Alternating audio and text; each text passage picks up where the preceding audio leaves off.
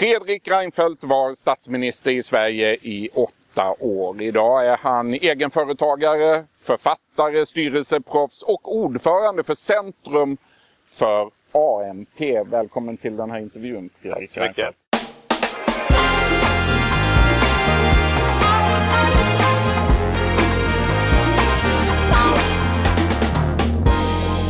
Centrum för AMP, vad gör ni?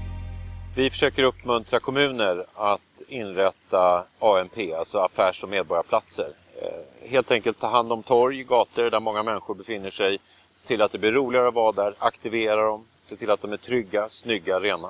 En sån plats befinner vi oss på nu, Kungsträdgården i centrala Stockholm. Skulle absolut kunna vara eh, föremål för det. Mm. Eh, det vill säga, Kungsträdgården i sig är redan en plats som många känner starkt för. Men man skulle kunna göra mycket mer med renlighet, med säkerhet. Man skulle kunna erbjuda aktiviteter som passade olika åldrar, som skapade bättre genderbalans. Eh, och poängen med att göra det, att få människor att vilja komma till offentliga öppna platser, är att det har visat sig vara väldigt starkt påverkande på att minska brottslighet. Vad konkret skulle man kunna göra i Kungsträdgården för att göra detta till en säkrare plats?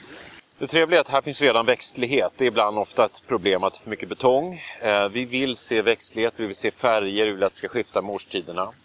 Eh, man skulle kunna ha trygghetsvärdar som ständigt finns här närvarande. Man skulle kunna hålla högre renlighet, alltså ta bort allting som slängs och kastas, hålla papperskorgar mer rena.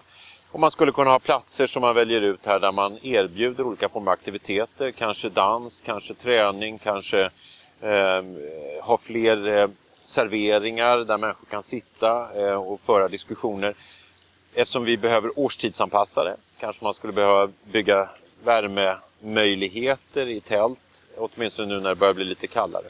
Jag är van vid att Sverige är ett föregångsland, ja. men det gäller inte på det här området, sa du till Dagens Industri för ett år sedan. Ja. Har det förändrats? Nej, det kan jag inte säga. Eh, den svenska doktrinen har varit väldigt mycket att titta på bara gärningsmännen för det är oftast män. Varför går det snett för de här unga grabbarna? Eh, vad kan vi göra åt det? Hur kan vi få dem att ändra sig? Det är inget fel i det, men internationellt så kompletteras det mycket mer att intressera sig för platserna där brotten potentiellt begås. Parkerna, gatorna, de offentliga utrymmena. Och där gör man mycket mer för att med hjälp av näringsliv och andra aktörer aktivera och se till att hålla platserna välskötta. För det har stor påverkan på människors eh, känsla av trygghet eller frånvaro av trygghet. Om vi tror att vi ska komma till en offentlig plats och den är smutsig och osäker och domineras av ungdomsgäng, då väljer vi att stanna hemma. Eh, om vi känner att nej, det är en trevlig inbjudande plats, då tar vi med oss några vänner och går dit och stannar en lite längre stund. Internationellt säger du, ni har tittat på bland annat New York. Vad har Sverige att lära av New York på det här området? Ja, i det här fallet väldigt mycket. New York var ju en nedgången stad, sent 80-tal, tidigt 90-tal, kanske en av världens farligaste platser. Jag minns själv faktiskt som ung, eh, mitt första besök i New York, att jag var helt livrädd att röra mig i den stan, förmodligen på goda grunder. Sen har det väldigt ofta beskrivits som att det enda Giuliano och andra gjorde som då fick makten var att anställa många fler poliser, men det är inte en korrekt beskrivning. Det var väldigt mycket ett samhälle som tog tag i sina parker, sina offentliga utrymmen, använde fastighetsägare, näringsidkare, handlare och skapade renlighet, trygghet, satte dit säkerhetspersonal, erbjöd aktiviteter och det har förändrat och förvandlat New York till den fantastiska världsstad som det är idag. Och det är ett koncept fritt att låna för alla som vill göra likadant. Du har också sagt att brottsbekämpningen fungerar inte idag när det gäller vardagsbrott eller eh, livskvalitetsbrott. Ja. Vad menar du med det? Med, med det menar jag att vardagsbrott är ett lite olyckligt begrepp, men det menas brott med lägre straffvärde. Men när vi började titta på trygghetskopplingen och de här mätningarna som görs när man ställer frågor till människor då var det ju mycket mer än brott de nämnde. Människor är oroade för kastade cyklar, för eh, överfulla papperskorgar, för ungdomsgäng som är skräniga, för cyklister som cyklar för fort. Så vi insåg att det är brott av enklare karaktär och ordningsstörningar och det kallar vi livskvalitetsbrott. Och skälet till att den trygghetskommission jag tidigare ledde tillsattes var att i Sverige gör vi väldigt lite rättsligt. Vi reagerar väldigt lite på den här typen av brott. Det blir mer försäkringsbolag, olika privata näringsidkare och människor med en frustrationskänsla av att de brott jag begås eller utsätts för, de leder inte till någon reaktion. Nu ligger ert fokus då på att förhindra och att förebygga brott. Ja. Men Borde inte det vara statens uppgift ändå att göra det? Min erfarenhet av samtal med poliser är att de tycker att de ska koncentrera sina insatser mot grövre brottslighet. Och det kan man ju säga att de får väldigt mycket stöd för i den allmänna debatten. Gängskjutningar, gängkriminalitet, grov organiserad brottslighet. Det kan ingen annan matcha upp än poliser med bra resurser. De enklare brotten, cykelstölderna, eh, skadegörelse av olika slag, eh, tror jag inte vi ska föreställa att polisen kommer att ägna sig åt. Inte ens om vi anställer många fler poliser. Utan vi tror att det finns metoder att förebygga dessa brott där man aktiverar handlare, eh, fastighetsägare, där kommunerna tar ett större ansvar. Så blir det en sorts eh, partnerskap mellan vad polisen är bäst på och vad andra faktiskt kan göra. Runt om i landet har kommuner anställt ordningsvakter, trygghetsvakter. Är det ett bra sätt? Jag tror att det är en ganska naturlig utveckling att kommuner eh, faktiskt tar ett ansvar för de torg, de offentliga ytor som de faktiskt har beslutanderätt över. När vi listade vem kan mest påverka de offentliga ytorna i Sverige, då var den längsta listan på allt kommunerna kan göra. Det är de som sköter tillstånden, vad vi gör med marken, hur vi bygger. Att de också har ordningsvakter, trygghetsvärdar, Eh, ibland i kommunens egen regi, ibland är det bostadsbolagen som anställer dessa. Det tycker jag är en ganska naturlig utveckling. Skälet till att kommunerna blir frustrerade är att de tycker inte i lagstiftningen att det står att det är deras ansvar.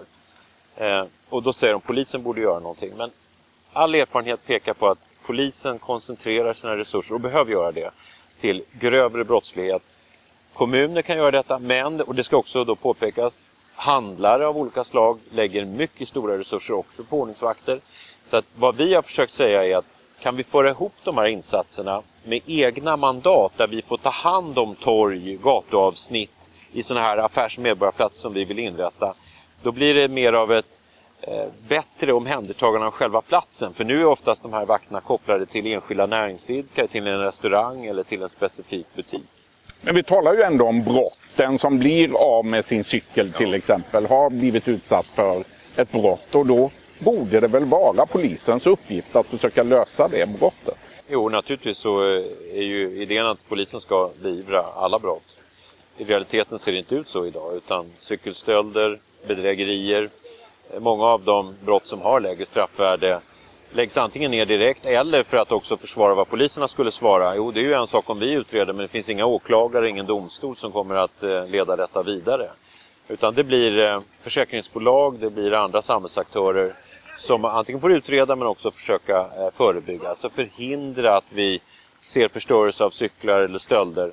Genom att helt enkelt se till att det är mer livfullt, mer aktivt, många fler vuxna ögon närvarande i de offentliga utrymmena där mycket av de här brotten idag begås. Om vi nu lyckas skapa de här trygga platserna, då, Kungsträdgården i centrala Stockholm till exempel, är då inte risken att vi bara flyttar kriminaliteten till ett annat område? Erfarenheten från New York är att de grövsta kriminella de som sköter eh, grova narkotikahandeln och annat, de flyttar säkert på sig. De vill inte vara i närheten av småbarnsmammor och äldre som tar hand och tar i besittning de offentliga utrymmena.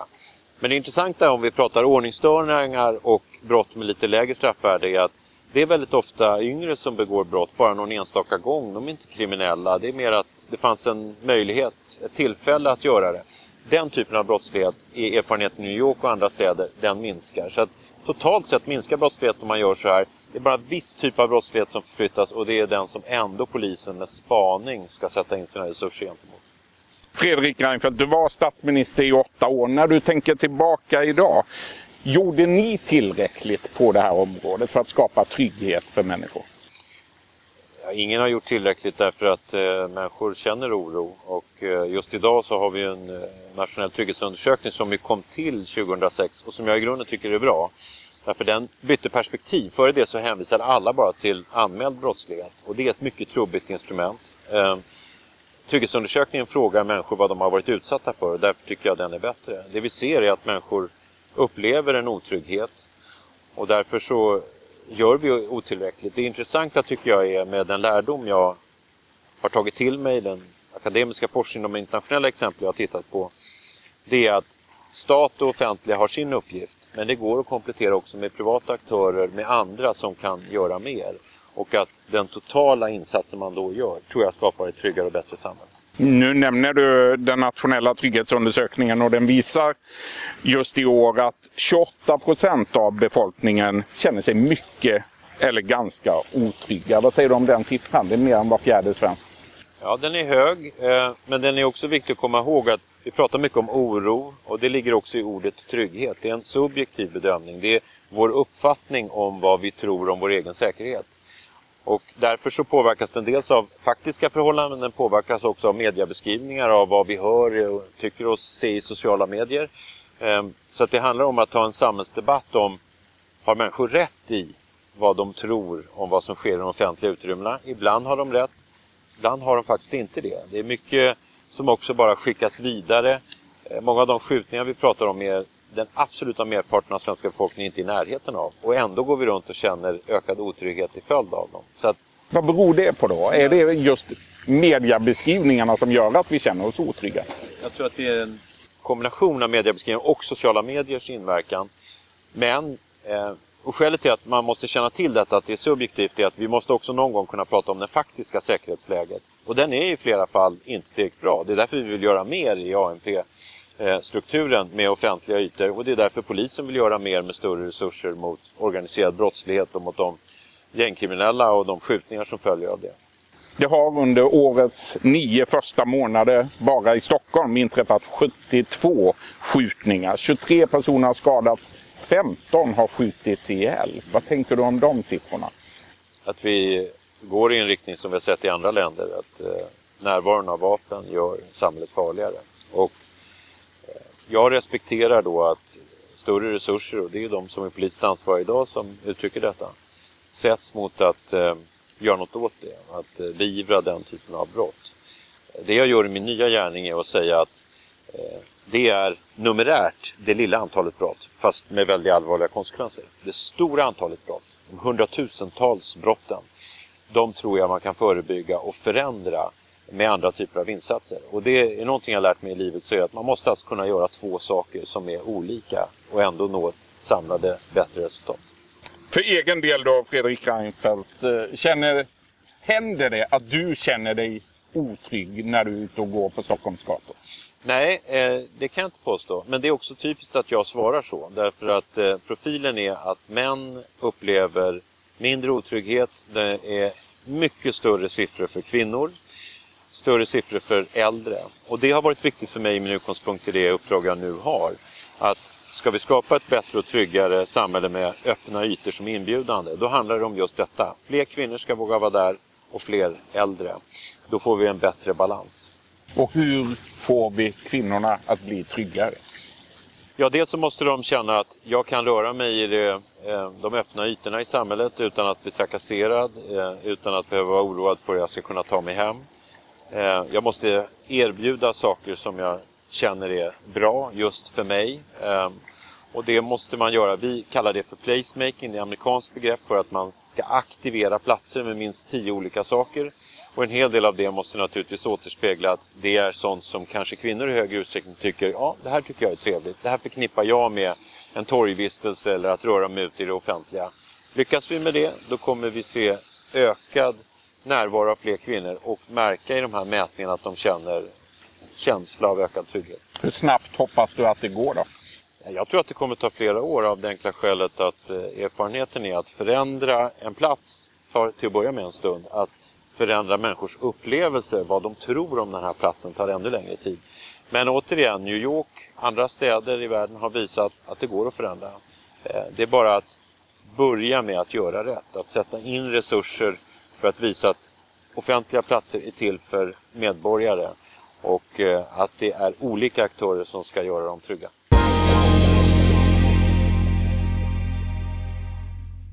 Du har lyssnat på en podcast från Expressen.